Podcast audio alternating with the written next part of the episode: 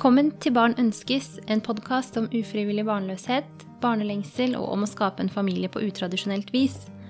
Jeg heter Hedda, og gjest i dagens episode er Janne, som skriver bloggen Janorama. Jeg fant Jannes blogg da vi sto i startgropa for prøverør i 2015, og leste meg gjennom hele IVF-arkivet hennes samme kveld. Jeg fant både trøst og støtte i hennes fantastiske evne til å sette ord på tanker og følelser som ligna på mine.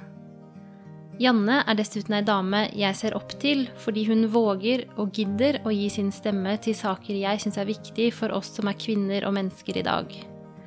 Så da jeg begynte å drondle på ideer til denne podkasten, sto Jannes navn høyt oppe på lista over drømmegjester.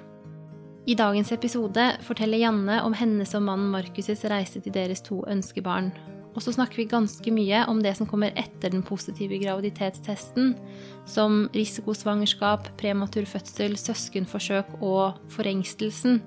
Den skjøre blandingen av lykke og angst som kan oppstå etter at man endelig har blitt gravid.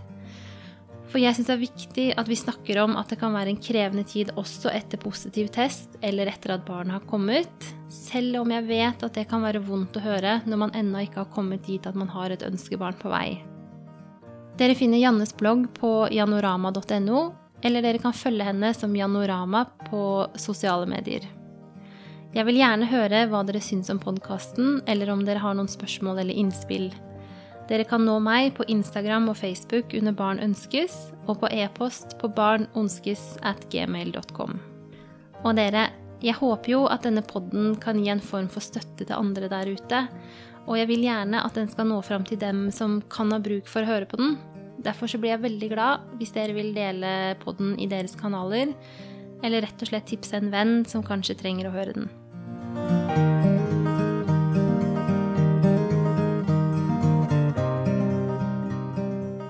Hei, Anne. Hei, Hedda. Velkommen til Barn ønskes. Takk skal du ha.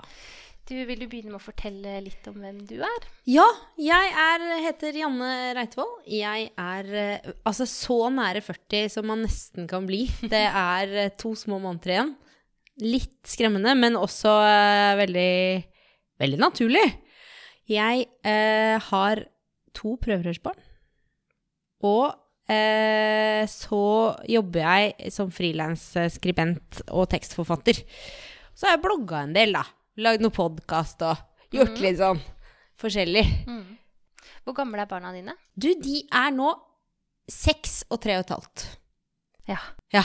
Snart fire. Hun minste. Det er skummelt. Ja. Ja, det går fort. Så da begynner det å bli en stund siden du var i, i prøverørsgamet, med andre ord? Det er en stund siden jeg forlot uh, den bobla, heldigvis, mm. uh, må man jo kunne si. For det er jo uh, et spesielt sted å være. Mm. Det vet du jo alt om. Ja.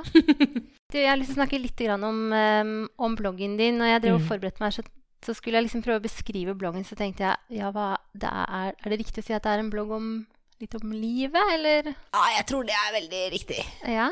Det har eh, aldri skulle dreid seg om barna på noen som helst måte. Så det er på en måte min måte å se på livet på.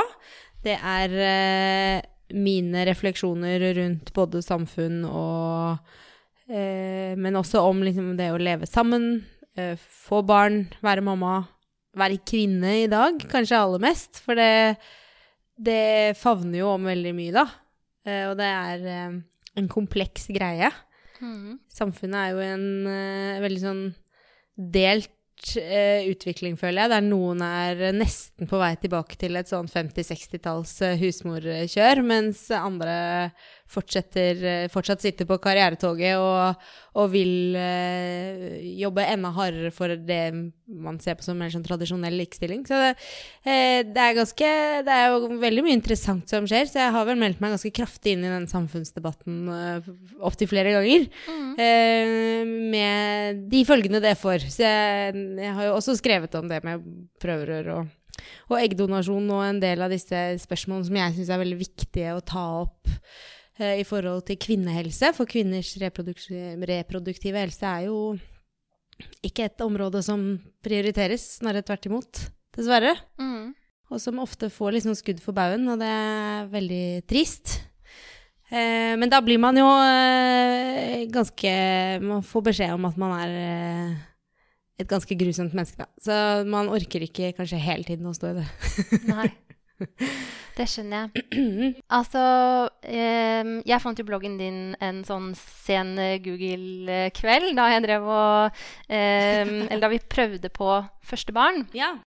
Um, så det var vel noe sånn prøverørssøketekst uh, som leda meg frem til den. Mm. Men det jeg syns var så utrolig fint med akkurat din blogg, var at um, Altså, jeg setter også pris på de som blogger kun om sin prøveprosess. Um, men for meg så er ofte det der med prøver og det som har vært vanskelig med det, er at det skjer i livet mitt. Mm. Og så føler jeg noen ganger at den prøveprosessen det på en måte det reduserer meg til en sånn rugemaskin. Det opptar hele hodet mitt og hele hjertet mitt. Og så, og så, er det lett for meg å glemme at jeg er jo så mye mer. Mm.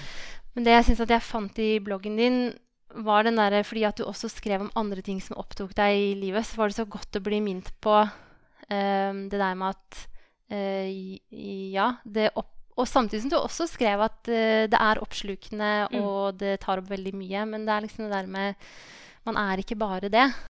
Nei, det, men det tenker jeg er en sånn felle man går i på veldig mange ting. Da. Det er veldig lett å bare være mor. Det er veldig lett å bare være hun som skal ha karriere. Det er veldig lett å bare være kjæreste når det er veldig intenst i livet. Så uansett hva man møter, så tror jeg at man på et eller annet tidspunkt blir litt sånn stuck i den bobla man er i, uansett hva den heter.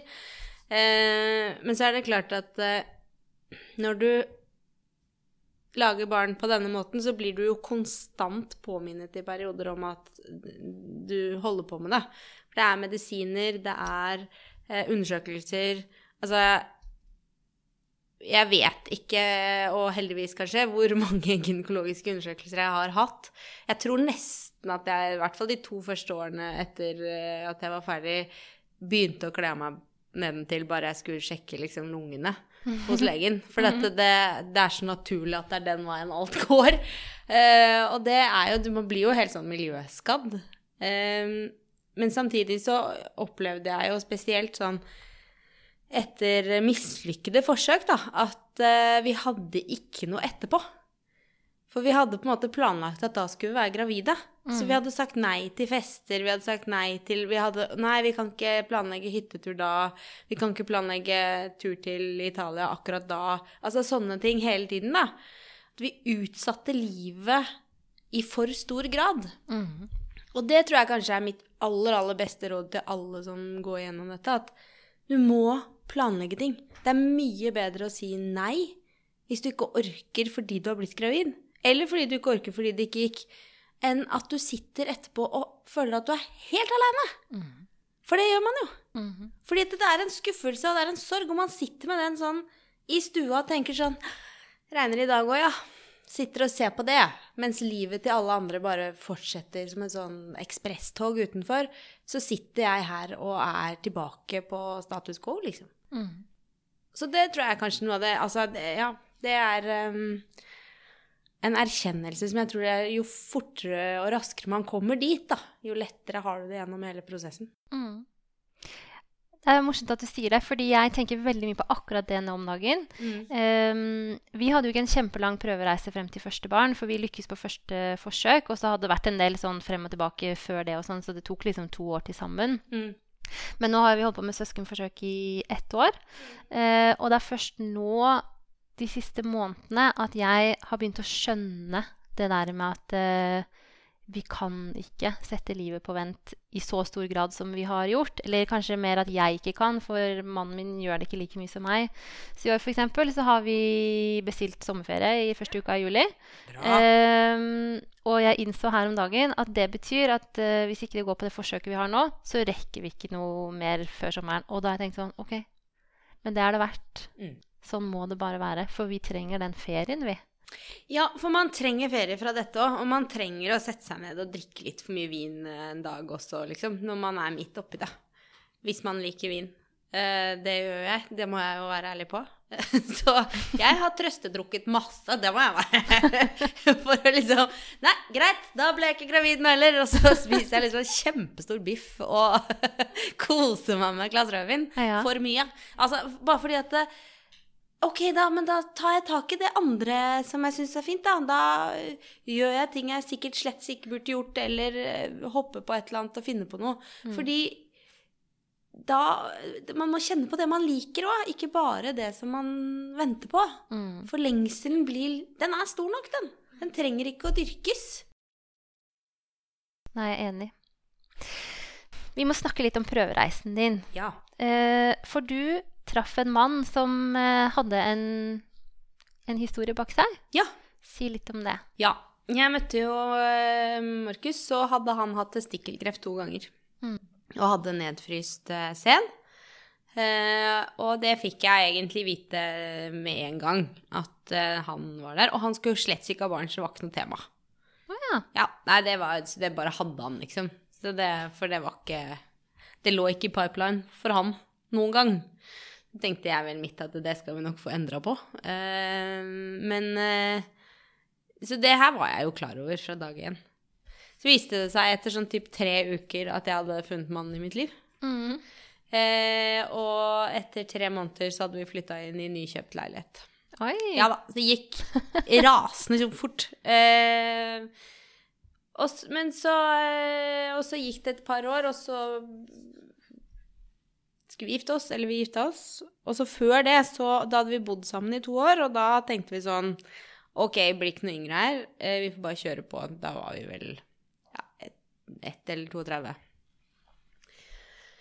Eh, også, så, så da begynte vi prosessen med å få henvisning til sykehuset og sånn, og så masse fram og tilbake med det, for at eh, da Ja, da hadde jo jeg plutselig veldig aggressiv celledeling og måtte operere to uker før vi gifta oss, og det var liksom bare helt sånn idiotisk. Mm. Det var eh, Ja, Og det var sånn konisering. ja, konisering. Som jo er en meget ufarlig og grei eh, ting, så lenge det ikke er noe eh, trøbbel rundt det, eller komplikasjoner. Eh, og de kunne ta så lite at det var ikke noe fare senere. Eh, bortsett fra at man må sette inn en, det, eller ett embryo, men det gjør man jo uansett i Norge, så det er jo ikke noe tema, egentlig. Og så eh, Da hadde vi fått henvisning, ja, den var sendt til Riksen, og så gikk, kom vi hjem fra bryllupsreise, og så finner jeg et brev fra Rikshospitalet i bilen til Markus, og så sier jeg sånn Skulle vi åpna dette, eller hva tenker du om det? Eh, ja, nei, jeg pleier å få så mange sånne brev, så jeg gidder liksom ikke. Bare, nei. Men nå er vi på en måte, nå er det en ny prosess gående her. Da var det to dager til vi skulle inn på samtale, da. Oi! Så den rakk vi akkurat, kan du si. Ja. Og da kom vi inn der uh, og tenkte sånn Herre fred, dette går kjempefort. Vi har hørt at det offentlig tar så lang tid, og dette er grusomt. Ehm, og så viste det seg at det var en samtale med en meget alvorlig, men svært omsorgsfull dame som sa at øh, ja, dere har nedfryst sæd, men kvaliteten på den sæden er mildt sagt ganske ræva. Og det visste ikke Markus? Ja, vi visste eller? ikke det så godt, nei. Eh, og da var svaret rett og slett Eller det vi fikk beskjed om da, var at vi måtte ta stilling til om vi ville være interessert i å bruke donorsæd. Det er mye informasjon som kom på ganske kort tid. Ja, det kan du si. Ja. Eh, så da gikk vi hjem, og så sov vi tre timer, tror jeg, på sofaen. For da var vi bare helt utslått. Ja, Og det er et vanvittig stort spørsmål. ja, ja. ja. Vil du bruke donorsæd eller ikke? Og jeg eh, skal ikke fortelle noen hva de skal lande på. Eh, vi ble enige om at dersom vi kommer dit, så vil vi det. Markus snakket med både menn med adopterte barn og andre menn som, ikk- altså, som var fedre, men som ikke nødvendigvis hadde vært i nærheten av den utfordringen her og den problemstillingen, men som hadde kjent, altså som kjente på farsfølelsen, da, hadde kjent på den opplevelsen å bli far, og som de sa at det, det jeg tror nå, Hvis det er Janne som føder barnet ditt, så tror jeg det spiller absolutt null rolle. Mm. Eh, Jeg tror ikke du kommer til noen gang å tenke det, det der er ikke mitt barn. Mm. For du er med absolutt hele veien uansett. Men redselen ligger jo i den der at du en dag skal si 'du er ikke sønnen min'. Ikke sant? At I sinne, for eksempel. Da. 'Du er ikke mitt barn'. Et eller annet sånt noe. Som jo er helt grusomt. Mm. Men som jeg tenker at er helt, det er viktig å ha tenkt den tanken. Mm. Og man må tenke på alt det som kan være helt sånn absurd grusomt, som man kan komme til å gjøre, og som kan komme til å skje med det barnet. Samtidig som man må narrow it down og tenke at det kanskje ikke er så komplisert som man tror. Mm. Men da eh, viste det seg jo at det gikk jo ikke så raskt, da. Som, ikke sant, eh, Det var jo den samtalen. Og så gikk det noen uker og måneder, og så kom vi inn. Og da var vi helt sånn overbevist om at dette kom til å gå kjempegreit. Jeg var jo helt frisk og fin, det var ingenting som tydet på at ikke dette skulle gå bra. Så vi begynte Jeg begynte med nesespray midt på sommeren. Mm. Ja, på sommerferie i Kroatia var en nydelig tid å starte på. Sånn seilferie med venner. Deilig rett inn i Ja. overgangsalderen. Ja. Var helt nydelig, det. Måtte ha med sånn kjølebag med, med nesespray rundt omkring. Og det var så utrolig meningsløst. Men i hvert fall eh, føltes jo veldig viktig og riktig å begynne da, eh, uansett. For da var man bare så gira på å komme i gang. Mm. Og så mm, eh, satte vi inn, og de tok ut egg, og det Eller ikke i den rekkefølgen, selvfølgelig, men eh, Og alt så ut til å bli, være bra. Jeg eh, ble gravid, men mista etter tre dager. Mm. Typ tre-fire dager. Eh, og vet nøyaktig når det skjedde, for det kjente jeg. Og så eh, gikk man jo helt i kjelleren. Mm. Og da hadde vi vel ett egg på frys, tror jeg. Og så satte man inn det, og så skjedde det ingenting. Og så et helt nytt forsøk, og så en, skjedde det ingenting. Så kjøpte vi hund. Eh, og så sto vi og holdt rundt hverandre og gråt etter tredje forsøk som ikke ble noe av, og tråkka i bæsjen til den, den valpen Så, Altså, da var det bare sånn Nei, nå ork... Altså, dette Ja. For mye. Det er for mye. Mm. Eh, og så hadde vi et på frys, og så tenkte jeg sånn, ja, vi får bare sette inn det, da. Mm. Så gjorde vi det, og så tror jeg Så dro vi Da også dro jeg bare hjem, og så sov jeg, og så våkna jeg, og så tenkte jeg Hæ? Jeg er gravid. Wow. Og det var jeg. Tenk på det. Ja, det var helt sjukt. For jeg bare visste det. Det var helt merkelig. Eh, og etter ti dager så testa jeg grytidlig, eller tolv dager, eller hva det er, så testa jeg grytidlig om morgenen, og så stemte det. Mm. Det var bare den dummeste og rareste opplevelsen jeg har vært med på. Det var helt sprøtt. Ja, Mm. det kan jeg tenke meg. Mm. Fantastisk. Og da ble det Da ble det Ole.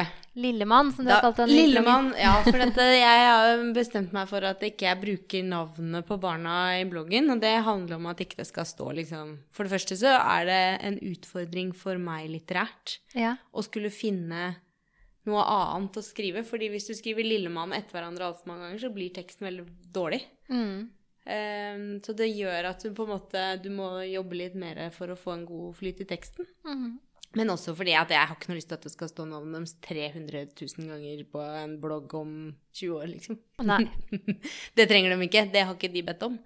Eh, så selv om jeg bruker navnet deres mer nå, så er det Det har jo noe med at de også er De er større, det er så, og det er ikke like mye eksponering som da jeg blogget så mye som jeg gjorde før. Mm.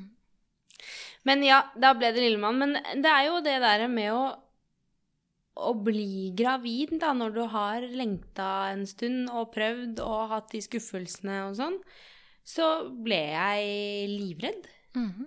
Helt Jeg hadde helt panikk.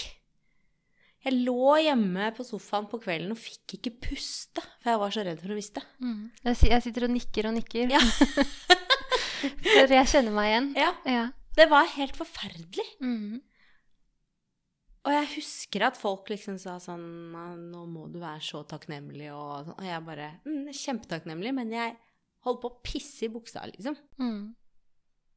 Man har jo, jeg tenker at uh, gjennom en sånn prøveprosess, og også når man som deg har opplevd å få en positiv test og så miste, så eh, Man mister jo litt av den derre naiviteten i forhold til Mm. at ting går bra for meg. Ja, så tenker jeg jo at når du har vært gjennom en prøverørsprosess, så vet du hvor komplisert det der graviditetskonseptet er, da. Mm. At folk får til de greiene der hjemme, syns jeg er helt pussig. Det er jo det som er rart, ikke at det går på et laboratorie.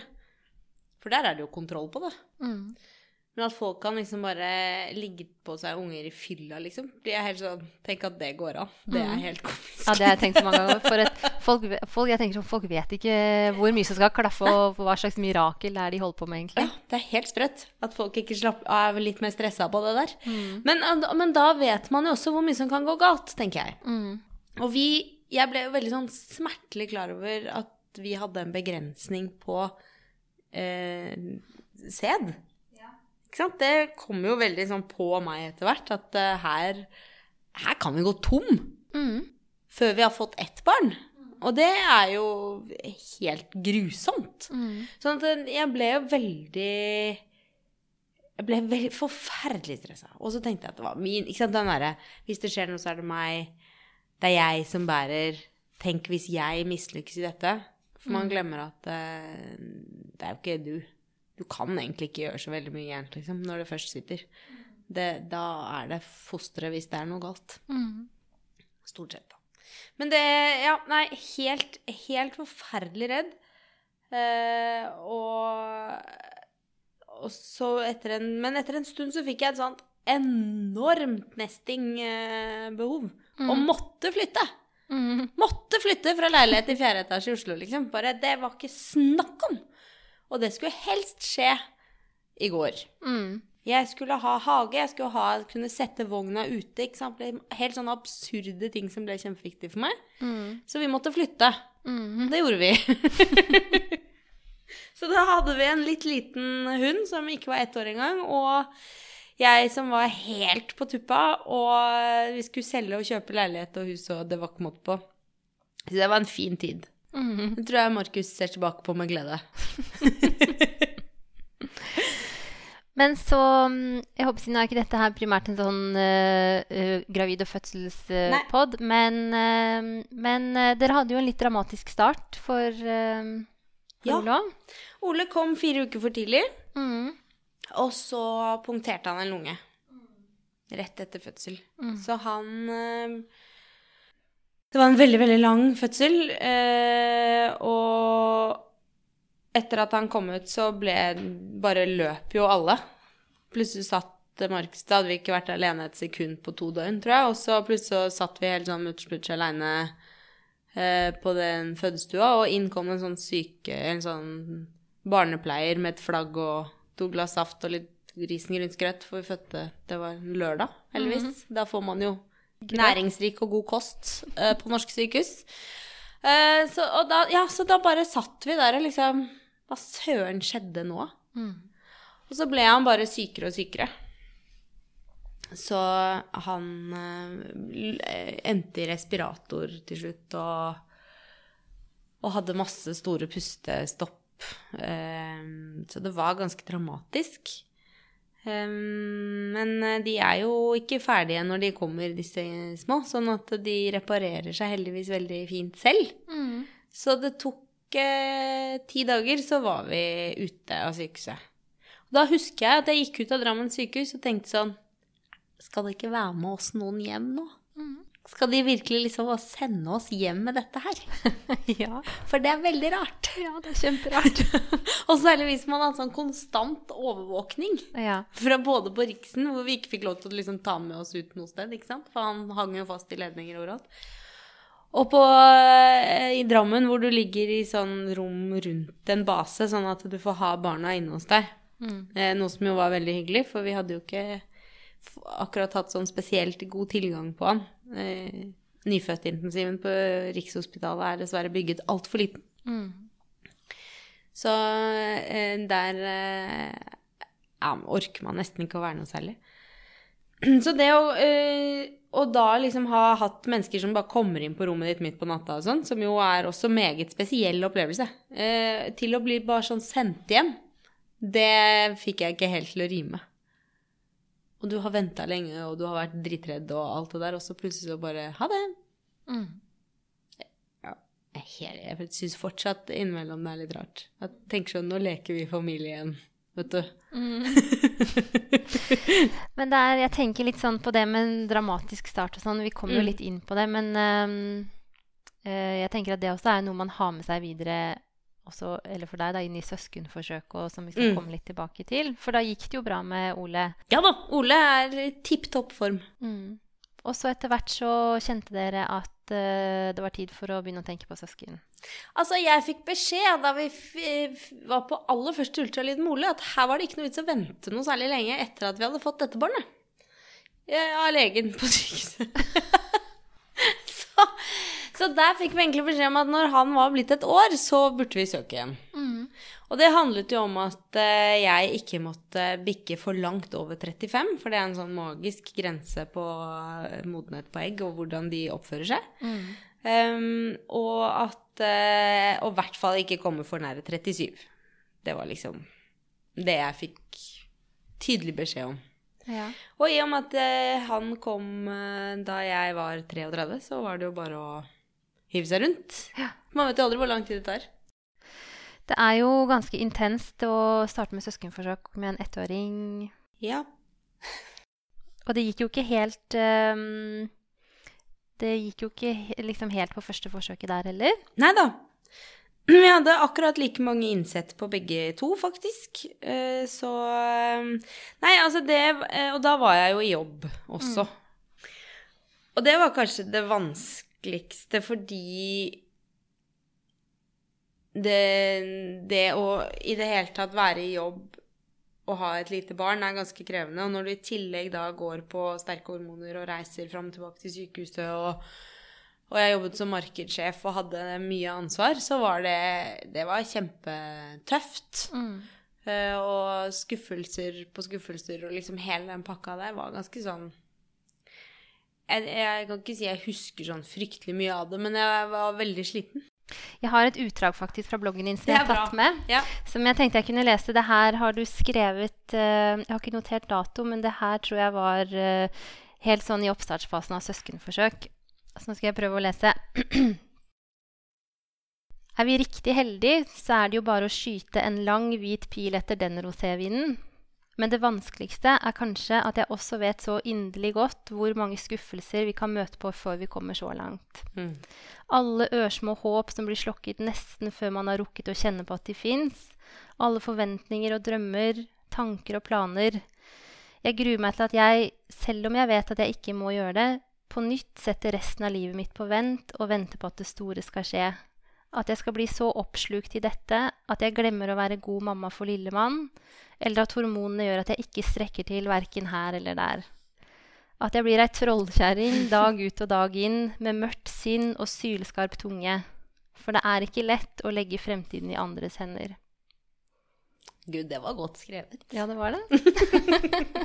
Nei, men det er jo veldig Jeg føler jo det er veldig beskrivende, da. Eller hva tenker du, Eda? Jeg syns det er kjempebeskrivende. Det er, eh, det er akkurat dette her jeg tenker på også nå med søskenforsøk. Det er den kombinasjonen jeg vil gjerne være til stede for datteren min, og så vil jeg fortsatt egentlig gjerne prestere på jobb og ha en, en givende arbeidshverdag. Og så i tillegg så skal jeg prøve å liksom holde huet over vann da, gjennom disse forsøkene. Mm.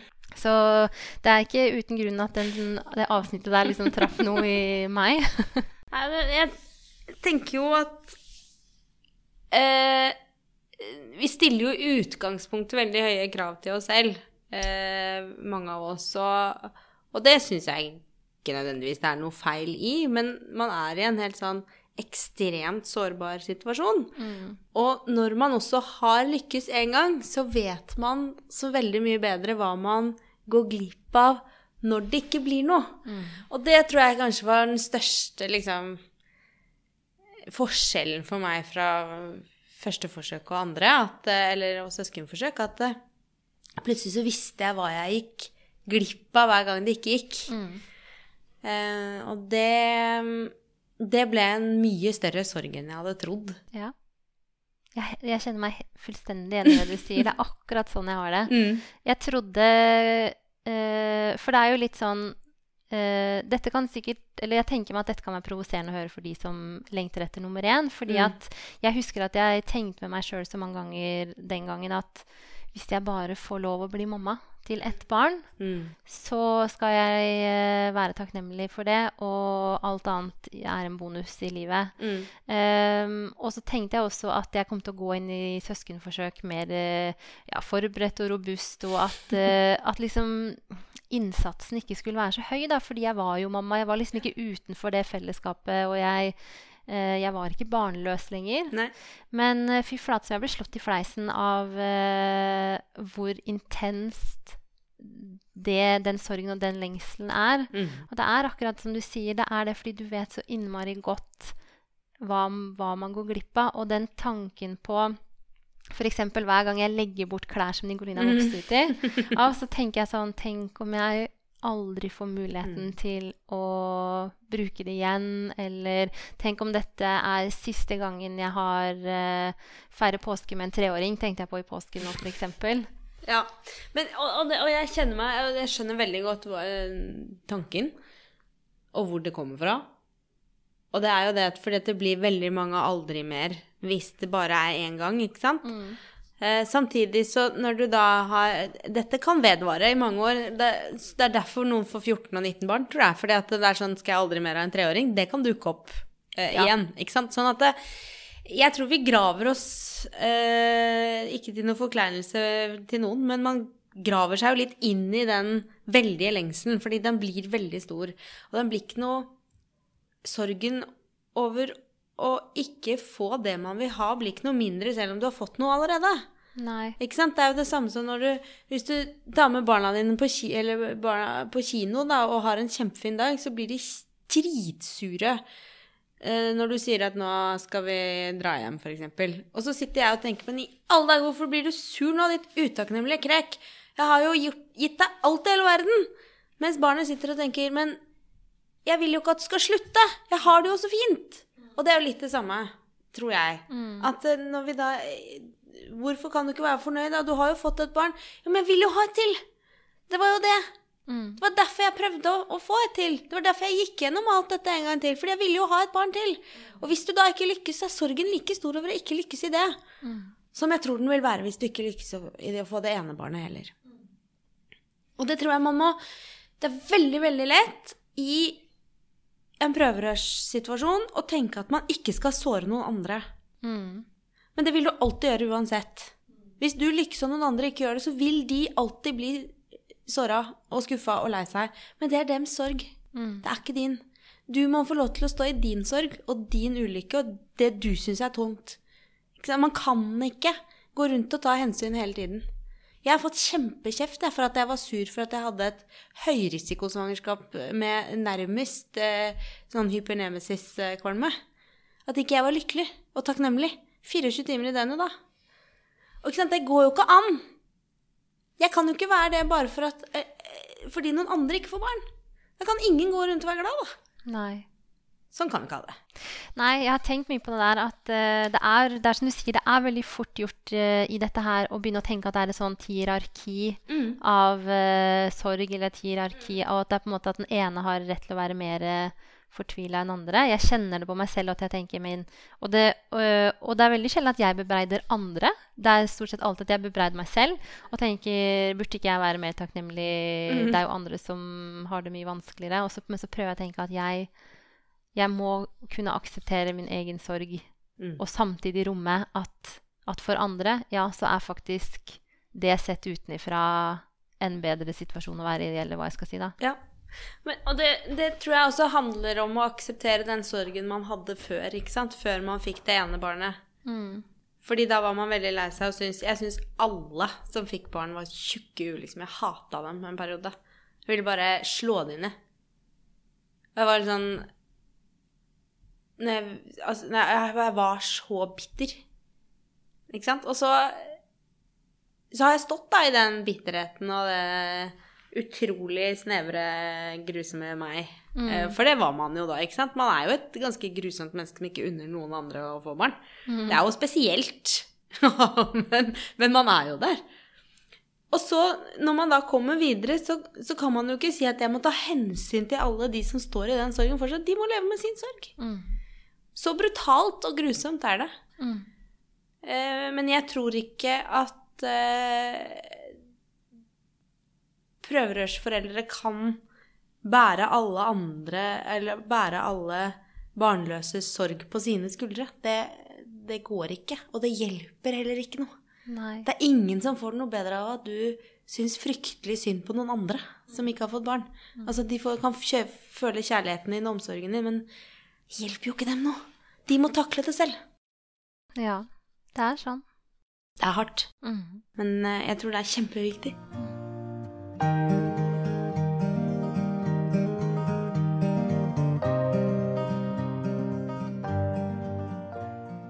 Men um, fortell litt om søskenforsøkene deres. Ja. ja det var, jeg har jo fått spørsmål uh, om eh, eh, Om jeg er helt gæren som gikk på det å prøve en gang til.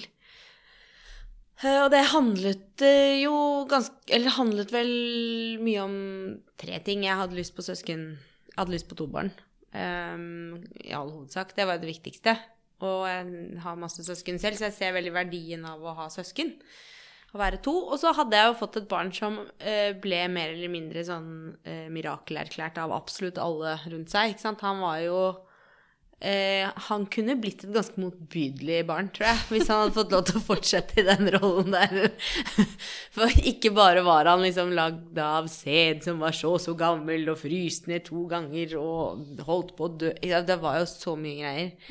Sånn at han, eh, de besteforeldrene kunne nok ødelagt han ganske kraftig. Jeg er redd. I ren og skjær eh, kjærlighet, da. Absolutt. absolutt. I, I godhetens lys, men det blir en litt sånn feilslått godhet, Ja. på en måte. Så, eh, og så var det det at jeg eh, trengte veldig en god fødselsopplevelse. Mm. Fordi det å få Ole var en kjempelang kamp å få han ut. Og i det hele tatt. Han var jo bitte liten og satt fast, og det var sugekopp og en time med halvannen time nesten med presserier, og det var altså helt forferdelig slitsomt. Eh, og tøft. Og så ble han bare borte, ikke sant. Altså jeg hadde en veldig sånn sorg. Det tok et halvt år før jeg turte å tenke at han bare skulle være hos oss for alltid. Mm. Jeg hadde det kjempetungt. Ehm, fikk mye av den samme opplevelsen med den der 'er du ikke veldig forelsket', er det ikke bare helt fantastisk? Og jeg sa til nei, jeg er ikke forelska, jeg er livredd. Mm. Jeg er kjemperedd for at han skal bli borte. Mm. Noen bare skal komme og hente han igjen, ikke sant. Um, så etter et halvt års tid, da begynte jeg å virkelig elske å falle til ro i rollen som mamma Mm. og aksepterte at han faktisk skulle være der. Men jeg turte ikke gå inn til han først om morgenen. For jeg var så redd for at han skulle ha dødd om natta, rett og slett. At han ikke pusta. Så um, det tror jeg kanskje faktisk eh, Jeg har aldri gått inn til han uten at han har ropt først om morgenen. Noen gang. Det er ganske heftig. Mm. Ja. Ehm, så da kan man jo si at liksom det er helt galskap å tenke at eh, nå skal vi prøve dette på nytt, og vi visste jo ingenting om hvordan det ville eventuelt gå. Svangerskapet eller noe som helst, for man hadde ikke noe teori om hvorfor han kom så tidlig eller noe sånt. Eh, Men så Så vi prøvde, og på fjerde forsøk så ble jeg gravid. Men jeg var helt overbevist om at jeg ikke var det. Oi! 100 sikker på at her Og du som hadde hatt en opplevelse av at jeg har jo rett. Ja, ja, ja. Så jeg var helt sånn Jeg ringte til sykehuset og bare Det var litt sånn gjesping og Ja, men når setter vi opp neste time nå, da? For nå Jeg var litt der, ikke sant? Um, og så sier hun bare sånn Gratulerer. Jeg var med hva da? Det er lenge til jeg har bursdag. Jeg var helt Jeg var så uforberedt. Ja. Så hun bare ja, men du er jo gravid, den er positiv. Bare, Særlig. Eh, jeg trodde ikke noe på henne. Og løp til apoteket og tok en graviditetstest som var sånn kjempesak. For jeg hadde jo drukket 19 liter vann, og det var på ettermiddagen, og det var bare helt sånn tøyst, liksom. ja. Så nei, da var jeg Og nei, guri land. Jeg hadde, jeg hadde én ting som gjorde at jeg tenkte sånn Det er et eller annet muffins her. Fordi dette her var i begynnelsen av desember. Det var masse julebord og greier. Og jeg, hadde, og jeg var sykemeldt for å bli gravid. Eh, og så eh, var jeg bare Jeg var bare med på alt. Jeg var med på juleverksted og julebord og julelunsjer og bare kosa meg. Spiste masse god mat og Og så var det eh, Vet at flere privatklinikker også, de sier at du skal bare leve helt som vanlig. Har du lyst på et glass vin, ta et glass vin. Ikke en flaske, men ta et glass vin. Det går helt fint. Mm. Så jeg skulle ta ett glass vin på et julebord vi var på. Og det smakte altså så dritt. Det er det dummeste Altså, jeg drakk det ikke engang, liksom. Nei. Jeg var bare sånn «Øh, øh, ja, Det var helt uh, feil. Mm. Og da tenkte jeg sånn hm, Det er litt rart. Men så hadde jeg ingen andre symptomer. Nei. Og jeg hadde ikke noen god følelse, og det var liksom helt sånn Så jeg var nei, helt Det ringte Markus i sjokk og sa at jeg var gravid. Han var på å le seg i hjel. Det dummeste han hadde hørt. Eh, så vi var helt sånn tullete. Og så tror jeg det gikk fire timer, så ble jeg kvalm. Mm. Helt absurd kvalm. Ja. Så det, det er jo kjemperart. Gir jo ingen mening. Men hva tenkte du da, når du hadde fått positiv test igjen? Nei, da var jeg jo eh, da, Jeg hadde ikke den samme redselen for selve graviditeten og det å miste og sånn. Det jeg var redd for da, var jo eh, fødsel. Mm.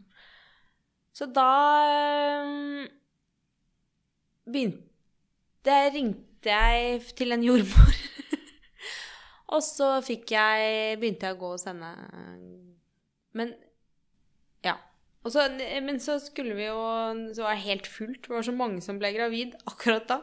Så det var helt fullt på Riksen til sånn tidlig ultralyd. Mm. Så jeg skulle ha det hos hun kjemperare, litt tunghørte gynekologen jeg har gått hos.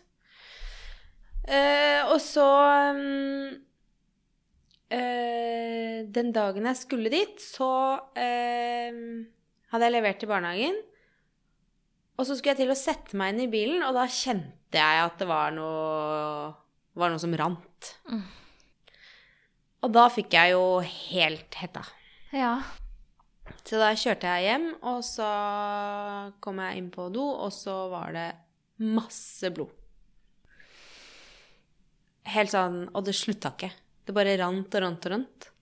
Jeg hadde ikke noe smerter, ingenting, men det fossa ut blod, og jeg ringte til Markus og hylgråt. Og jeg ringte til der jeg skulle ha ultralyd, og hylgråt, og de sa bare 'sett deg i bilen nå'. Jeg skulle egentlig være der to. Så de bare sånn 'sett deg i bilen, og så får vi deg inn så fort vi klarer å finne en plass', liksom. Og så ringte jeg til en Så satte jeg meg i bilen, ringte til en sykepleiervenninne av meg. Så sa hun sånn 'Har du noen gang sett uh, Hva er det det heter, da? I didn't know I was pregnant, eller noe sånt. Å ja. På eh, en av disse litt rare kanalene oh, ja, litt langt ja, ut i rekka. Mm, ja. Ja? Den, ja. Mm. Så Nei, det har jeg ikke sett på, for jeg ser på NRK. Så det har jeg ikke sett på. Siden nei, men eh, det skal du begynne med nå. Fordi du har ikke noe vondt, så jeg tror ikke du aborterer. Nei, det, ikke sant, jeg trodde jo ikke noe på henne. Pusta sånn helt her oppe. Ja. og kjørte og kjørte så fort jeg bare turte. Og prøv, fant parkeringsplass på Majorstua. Og møtte Markus, og vi løp inn. Så satt vi bare sånn og så rett framfor oss, husker jeg. Så sa vi bare Vi har et forsøk til. Ja. Vi har et forsøk til.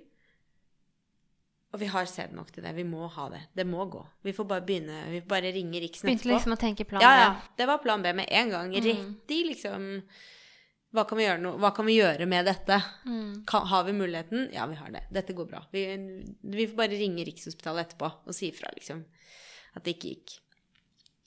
Så jeg var helt krystallklar på det. Og kom inn, og så begynte hun, tunghørte gynekologen, å si sånn Spørre Markus om han røyka og sånn. Og da bare Ja, men Nei, er, det er jo et prøverørsforsøk. Å ja, det var dere. Ikke sant? Altså, det er helt sånn Hun var veldig spesiell. Hun, hun er veldig flink til å skrive henvisninger og få folk inn på Rikshospitalet. Litt dårlig på andre ting. Mm. Eh, så hun, vi følte at vi var liksom hos en fremmed.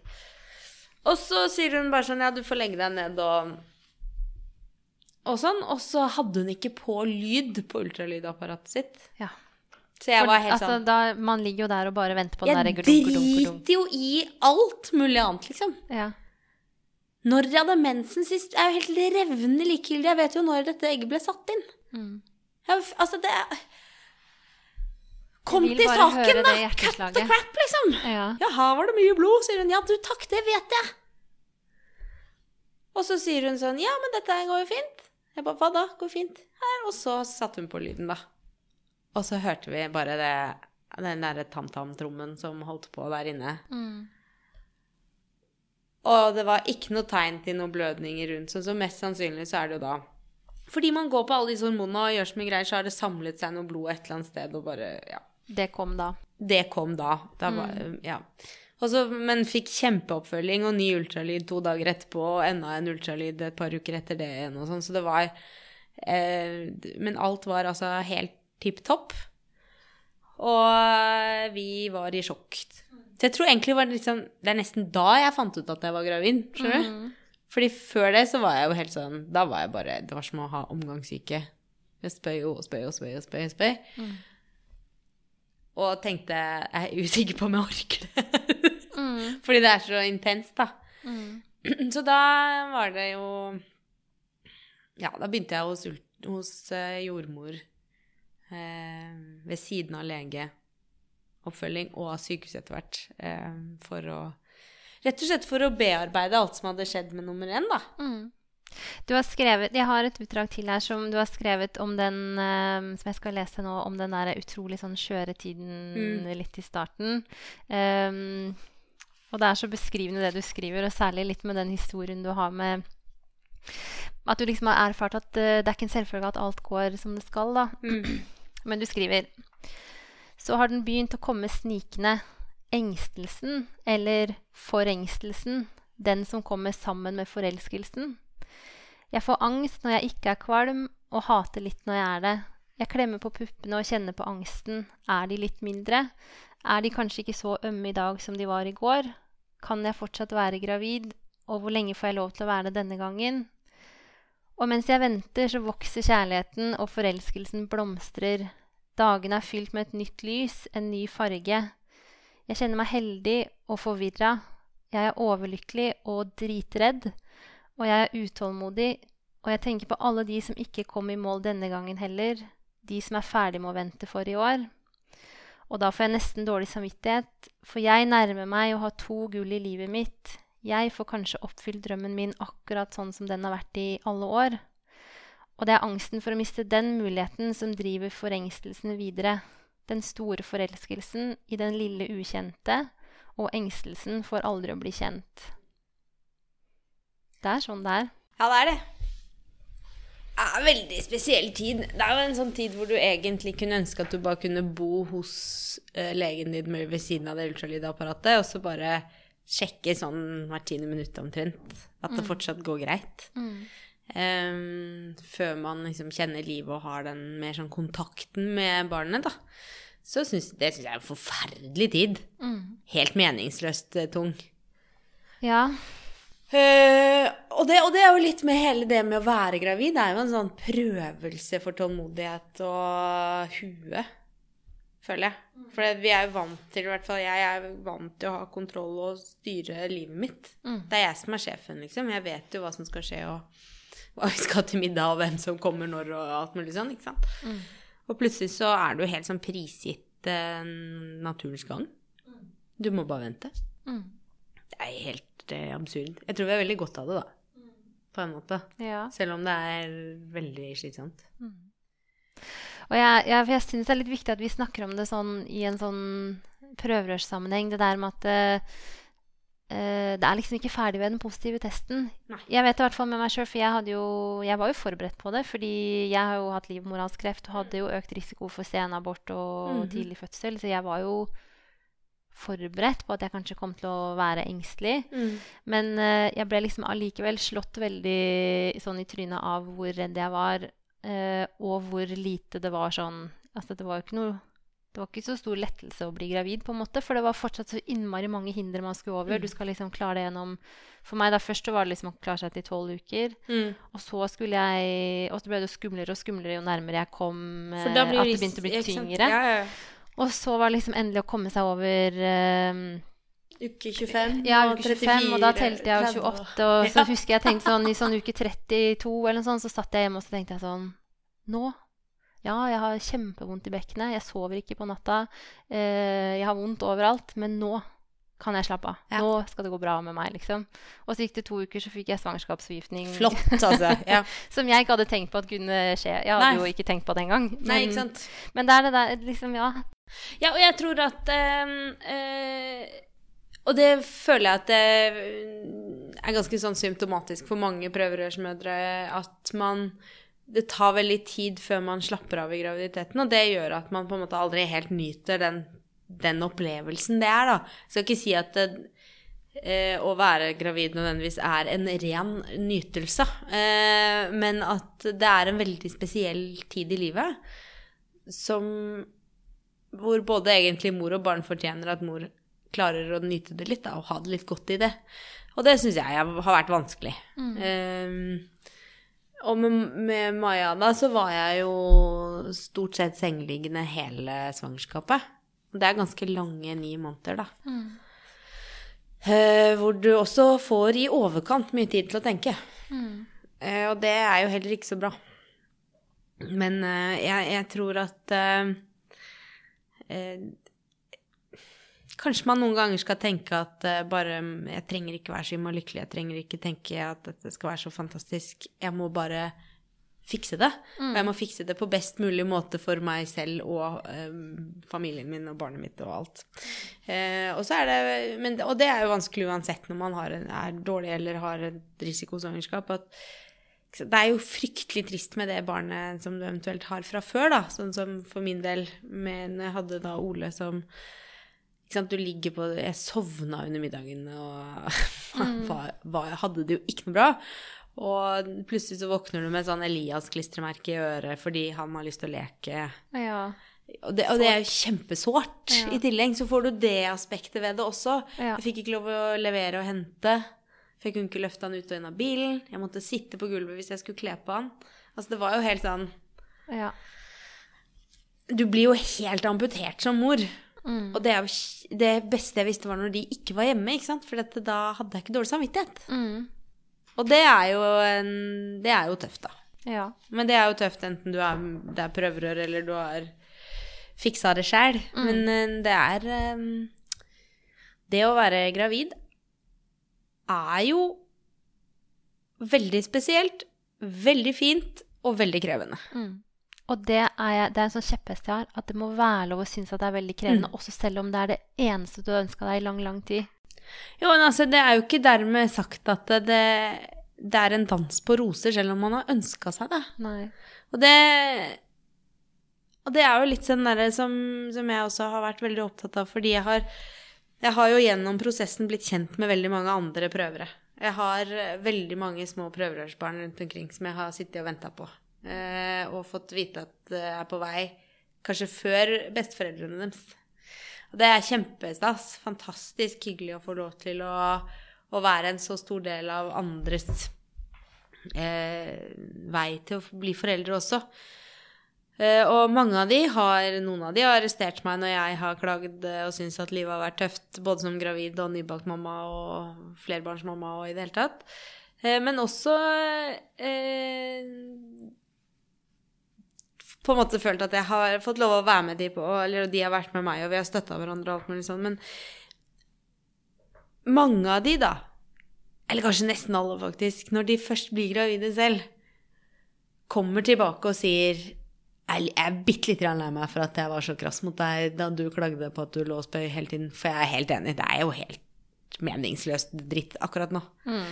Og det, det er veldig godt av. Det, men det tenker jeg sånn, da må man være Det er noe med den rausheten som vi snakket litt om i stad, dette med å eh, De som de som prøver, vil alltid hate de som har lykkes bitte lite grann. Mm. Selv om de enten de vil eller ikke.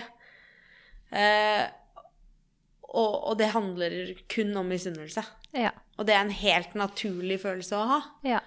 Eh, og da er det sånn at eh, da må vi som er så heldige å komme i mål, da Vi må kunne si Ja, det er helt greit at du kritiserer meg for at jeg syns at eh, det er dritt akkurat nå. Jeg håper du får lov til å oppleve den dritten sjøl. Mhm. så kan du heller komme og si, si Fortell meg eller det etterpå. Mm. Og det gjør de jo gjerne òg, men da, da må man heller stå med åpne armer og si velkommen i klubben. Ja. Jeg er veldig glad for at du er her. Mm. For det er viktigere Mm.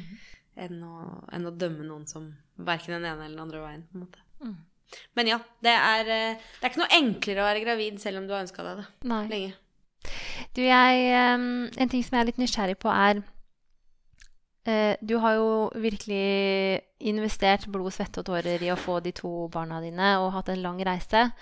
Ehm, hvordan er det nå, tre år senere? Liksom, hvor mye preger det deg? Hvor mye har du det med deg videre? Jeg har med meg veldig mange erfaringer og kunnskap om meg selv. Det er helt klart. Ehm, Jeg husker at jeg følte at det var veldig Det ble nesten litt sånn tomt eh, da jeg ble gravid med Maja, og ikke skulle ha noe med avdelingen på Riksen lenger å gjøre. Ehm, jeg har da ikke funnet noen andre å ringe til hvis jeg får mensen, liksom. Eh, men eh, jeg må ærlig innrømme at noen av de damene er, liksom, de er så viktige for meg, da.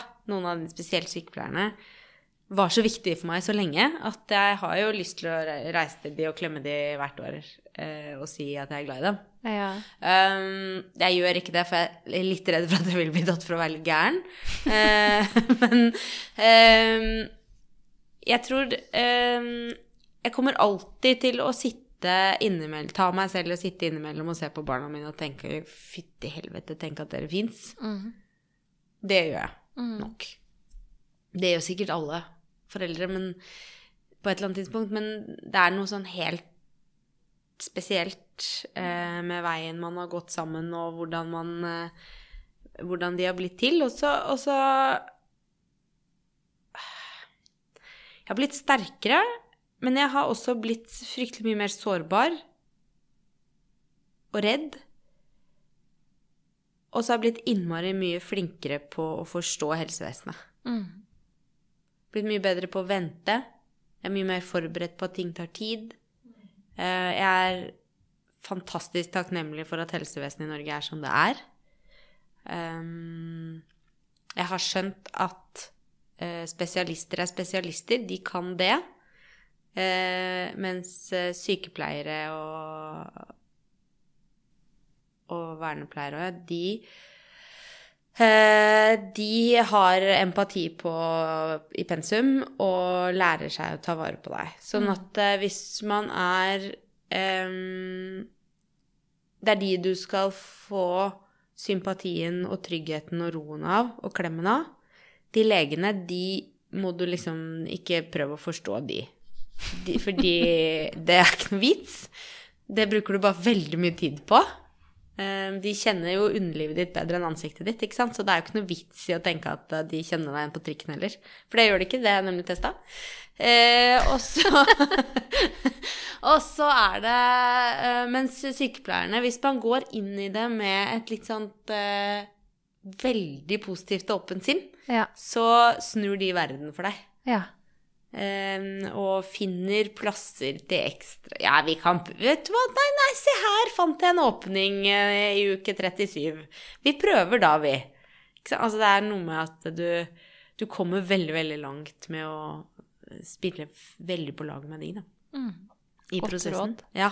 Mm. Jeg tror det er ehm, Det er i hvert fall det smarteste jeg har gjort, er å være sånn kjempeglad hver gang jeg snakker med de. Og takke de og være på og være lei seg og sårbar og ydmyk og alt, liksom. Men vise ekthet overfor de, så får man Det er de beste støttespillerne du kan ha med deg.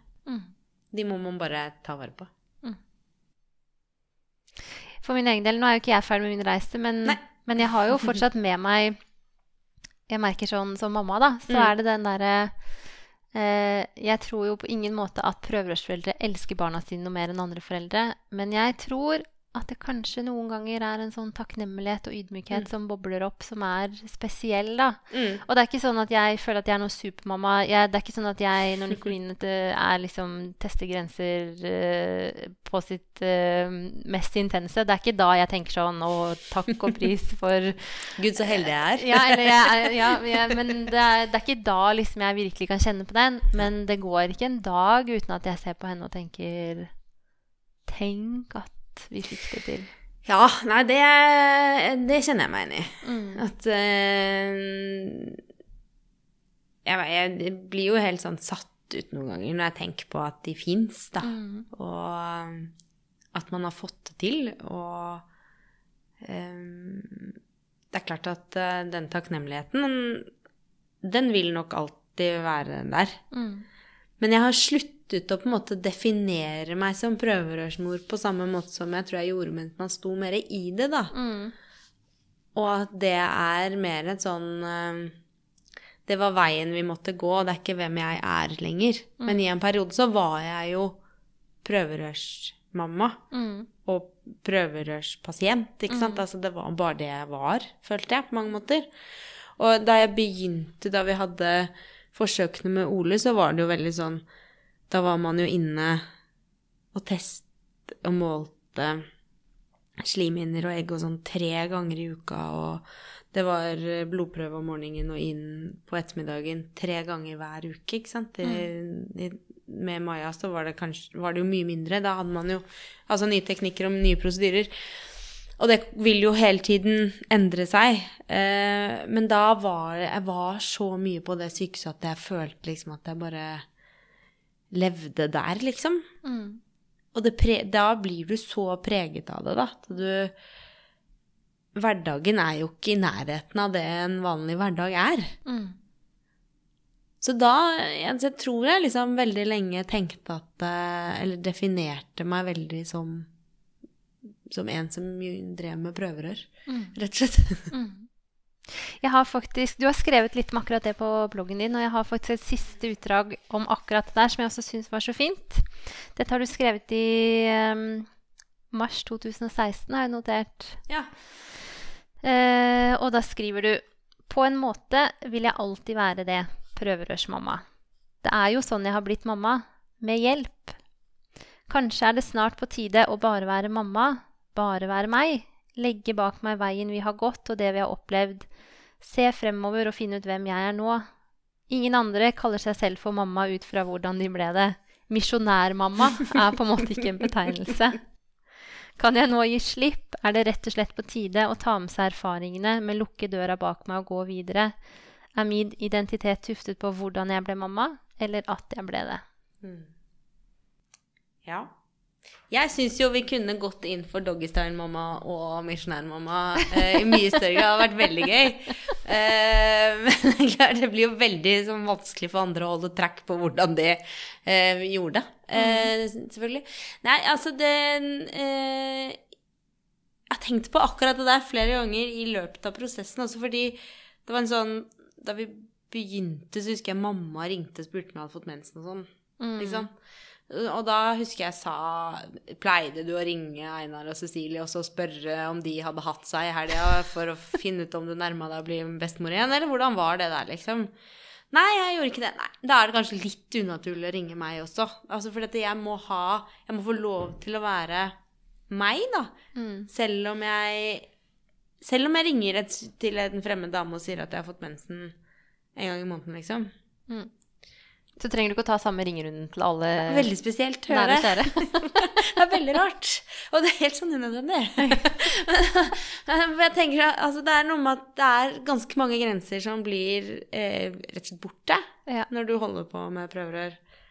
Um, og, og da må man få lov til å sette opp noen egne grenser selv, da. Ja. Som kanskje ikke nødvendigvis var der før, men som du aldri har tenkt at skulle vært borte heller. Altså sånn Du må, du må bestemme selv hvem du skal være, og hvor åpen du skal være i prosessen. Jeg tror jo veldig på åpenhet. Jeg tror veldig at det er viktig å fortelle hva som skjer. Jeg tror erfaringsmessig så vet du plutselig om tre andre i nær, nær krets da, som Mm. har lignende utfordringer og går gjennom det samme, som kanskje aldri ville sagt noe hvis ikke du sa det sjøl. Og alle kjenner noen. Mm. Og alle har en historie å fortelle, ikke sant? Og det, de historiene kan være med på å gjøre din erfaring så utrolig mye enklere og så mye lettere å gå gjennom, da. Det man går gjennom selv. Man kan få lov til å ha et støttebein ekstra, på en måte. Mm. Eh, og så tror jeg at det er viktig for de som kommer etter oss også, at det, at det ikke er noe farlig å snakke om. Mm. Det er ikke noe farlig å snakke om. Det er mange. Eh, men, men man må allikevel prøve, og selv om jeg har blogget om det, så å på en måte holde det helt nære og personlig, nært og personlig fortsatt, da. Mm. Ehm, jeg har aldri tatt bilder av skjermer med egg som tas ut, eller altså For det er jo noen som på en måte tar med alle helt inn i det innerste, liksom. Og det, det har jeg ikke gjort bevisst, fordi at jeg Noe må være vårt. Mm. Vi har hatt noen regler, sånn som Markus som er sånn Må jeg være med på innsett? Ja, fader heller, hva skal du si til barnet ditt, da? Hvor var du da du ble til? Nei, jeg var på, i et møte. Det var veldig spesielt. Selvfølgelig må du være med. Den der har vi eh, tatt hjemme noen ganger. Ja. Det er helt menings... Altså, det er det dummeste spørsmålet jeg får. Skal du ikke være der når barnet ditt kanskje blir lagd? Er det, nei, det går fader ikke an. Altså, det er helt eh, uakseptabelt. Men det er, sånn har det vært for meg, ikke sant? Og åpenbart for deg òg. Jeg tenker at man må sette noen sånne klare regler og. Gjøre noen forventningsavklaringer internt, og så bestemme seg for hva man skal dele. Alltid ta hensyn til hverandre i det. Kjempeviktig. Mm. Eh, men jeg tror på åpenhet, og jeg tror spesielt også for eh, mennene at det er viktig at de også snakker om det. Mm. For det er en sorg for dem òg, og det er en kjempeprosess. Og det er tungt, og det er tøft å se den man elsker, gå gjennom så mye rart. For det er mye rart. Mm. Og det er slitsomt å aldri helt vite hvordan dama di er når du kommer hjem Mm. fra noe. Og det er altså de høyeste topper og de dypeste bunner eh, på minutter noen ganger. Så det er vanskelig å, å følge med, tror jeg òg. Så det å ha flere å snakke med der for mannen òg, tror jeg er veldig viktig. Mm. Jeg er enig. Ja. Du, nå har vi prata sammen en, eh, over en time. Ja. Eh, har du Er det noe du har lyst til å si sånn avslutningsvis? Å, jeg tror at man alle som må gjennom dette, må huske å elske seg selv og hverandre. Ta vare på hverandre, og husk at det er lov å være frustrert og synes at det er drit og tøft og hardt, for det er det. Eh, man defineres heller ikke av om man får barn eller ikke. Eh, jeg har mange ganger tenkt eh, at eh, når det har vært stått på som verst, at eh, vet du hva, jeg har egentlig et ganske fint liv. Mm. Så hvis det ikke blir noe, så skal jeg kunne klare å, å leve det òg. Jeg vet at det er en veldig mager trøst, og det er helt umulig for meg å si noe om det akkurat nå, siden jeg ikke endte opp der. Mm. Um, men jeg tror det aller, aller viktigste er at man må huske at man skal komme ut av dette sammen også. Man går inn i det sammen, man må gå ut av det sammen. Og da er det noen hensyn å ta på veien som man må bare prioritere å ta. Tusen takk for at du ble med på den episoden. Det er jeg veldig glad for. Bare hyggelig, Eda, og tusen takk for at du lager en så viktig og fin podkast. Tusen takk.